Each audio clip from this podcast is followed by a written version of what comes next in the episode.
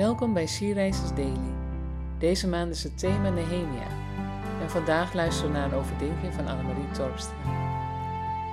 Deze overdenking is naar aanleiding van Nehemia 5 vers 1 tot 13, wat je voor jezelf kunt lezen. Nehemia verlicht de schuldenlast van de armen. Er ontstond een luid geroep van het volk. Ze staan op het punt om huizen, velden, zonen en dochters te verliezen als onderpand of aan de slavernij om er aan graan en eten te komen. In vers 6 en 7 staat Nehemia ontsteekt een hevige woede toen hij dit nieuws hoorde. Maar hij gaat eerst bij zichzelf te raden voordat hij reageert. Vervolgens roept hij de edelen en machthebbers ter verantwoording en hij belegt een vergadering tegen hen. Nehemia gaat eerst te raden bij zichzelf. Ik kan me zo voorstellen dat hij zijn woorden overweegt voordat hij in zijn eentje een vergadering belegt tegen de edelen en machthebbers. Machtige mensen met invloed. Nehemia houdt een overwogen pleidooi en het werkt. Er staat nergens dat hij tegengesproken wordt.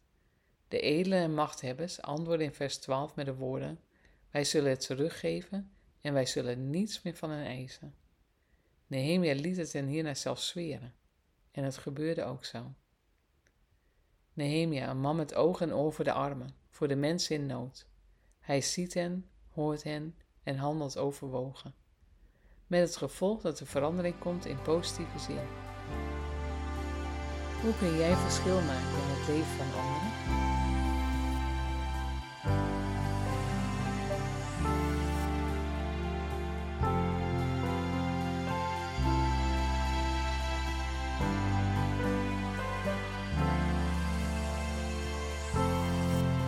Laten we samen bidden. Heer, leer ons om ogen en oren te hebben voor de mensen in nood om ons heen. Leer ons om overwogen te reageren, zodat er verandering zal komen. In Jezus' naam. Amen.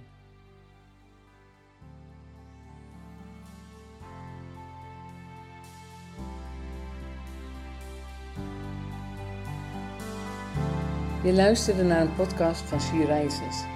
She Rises is een platform dat vrouwen wil bemoedigen en inspireren in hun relatie met God. Wij zijn ervan overtuigd dat het Gods verlangen is dat alle vrouwen over de hele wereld Hem leren kennen. Kijk op www.she-reizers.nl voor meer informatie.